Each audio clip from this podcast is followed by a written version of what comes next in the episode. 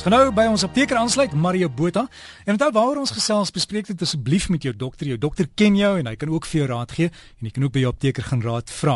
En Mario kuier by oomblik in Potchefstroom. Mario, maar jy gesels oor seer keel. Iemand het vroegoggend al ge-SMS om te sê ek moet jou groot asseblief vra. Hulle was in Februarie op 'n vliegtyg, het nog steeds 'n seer keel en dis nie van skree nie.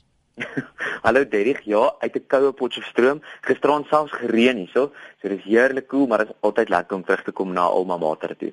So, maar seerkeel. 'n Seerkeel wat langer as 'n week aanhou of 5 dae, 5 dae tot 7 dae is maar hoe lank 'n seerkeel gewoonlik vat om te genees. Enige iets langer as dit moet dadelik na 'n dokter toe verwys word. Seerkele wat aanhou vir 2 na 3 weke en in hierdie geval dan nou 5 weke lank is regtig ernstig en dit kan wees as gevolg van en ek probeer nou glad nie spooke opjaag nie, maar iets soos kanker kan so 'n seerkeel veroorsaak of dan 'n baie slegte streptokokus infeksie veroorsaak dan so langdurige keelseer en dit moet onmiddellik dokter toe verwys word. So hierdie persoon wat ge-SMS het, wil ek asseblief mooi vra om teen maandag of dinsdag se kant dokter toe te gaan. Laat hulle sampel neem van die die monster in jou keel, jy weet of hulle neem maar 'n spiete monster of 'n strep toets en dan kyk hulle wat is die uitslag hiervan.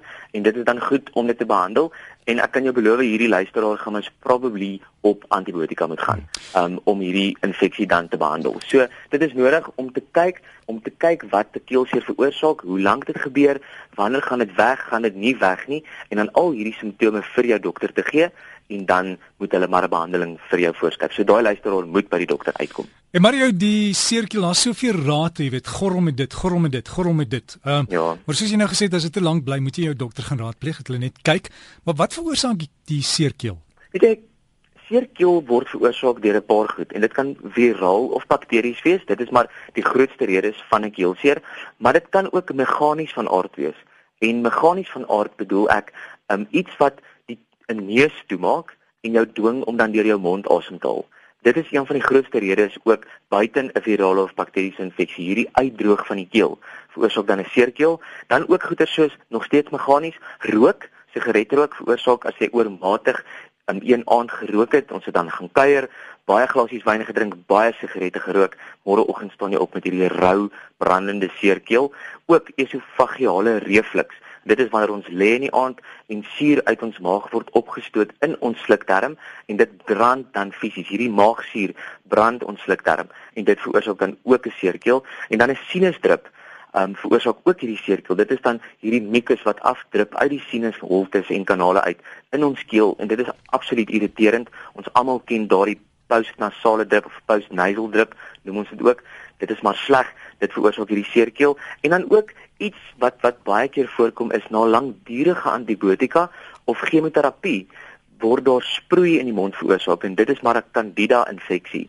En hierdie candida infeksie kan baie sleg wees. En dit kan ook 'n seerkeel veroorsaak. En dan laastens iets wat vir langer as 2 weke voortduur soos wat ek gesê het kan mag iets soos kanker wees of um, selfs in HIV pasiënte kry ons baie keer dat hulle klaar van hierdie kroniese keelseer. So daar's 'n paar redes wat keelseer veroorsaak, maar ek dink hierdie tyd van die jaar kan ons maar dit toeskryf aan seisoens seisoensverandering, um en dan ook hierdie histaminergiese reaksie wat ons liggame afskei. Ons is allergies vir hierdie veldbrande, al hierdie rook om ons, um hierdie droë lug, verwarmings binne in die huis waar die lug ook uitdroog. Al hierdie dra by tot ons keelseer veral hierdie tyd van die jaar. Hm. En Mario, as jy nou vandag vir jou rugby span die Bulls of die Cheetahs of so gaan skree en jou keel is daarvan seer, dit sal weggaan hè.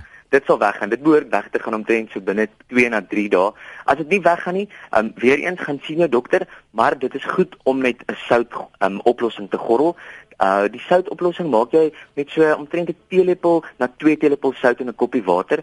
Dis belangrik dat dit nie te sterk moet wees nie, maar 'n te flou oplossing gaan ook weer nie die ding doen nie. En dan is dit goed om baie keer as jy nie 'n bloeier is of allergies is daarvoor nie, met aspirien te gorrel of baie keer van hierdie anti-inflammatoriese middels, dis so 'n driehoekige tabletjie wat ons in water gooi en hy los op, met dit te gorrel vat baie keer hierdie seerkeel weg. Ons hoef nie noodwendig altyd net antibiotika te gebruik nie. Om 'n seerkeel weg te kry, kan ons maar oor die toonbank 'n uh, ibuprofen of 'n parasetamol kombinasie gebruik. Pas op vir dies met kodeïn in. Onthou dit maak ons weer hartlywig, maar jy kry preparate wat net parasetamol en ibuprofen in het. As ons dit drink of dan met hierdie anti-inflammatoriese middels gorrel of soutwater, kan ek jou beloof gaan jou seerkeel ten minste al met 50% verbeter en as ons daarmee aanhou vir so 2 na 3 dae behoort hy heeltemal weg te wees. So dan sê vra die apteker maar gaan maak ook seker by jou dokter en as dit ernstig is, neem aksie vinnig. Mario, lekker kuier by jou alma mater daar in Potch. Baie baie dankie Derry, goed gehoor. Goed gaan Mario Botha, ons apteker en as jy sy gesprek weer wil luister, dit sal in die komende week as 'n pot gooi op RSG se webtuiste beskikbaar wees.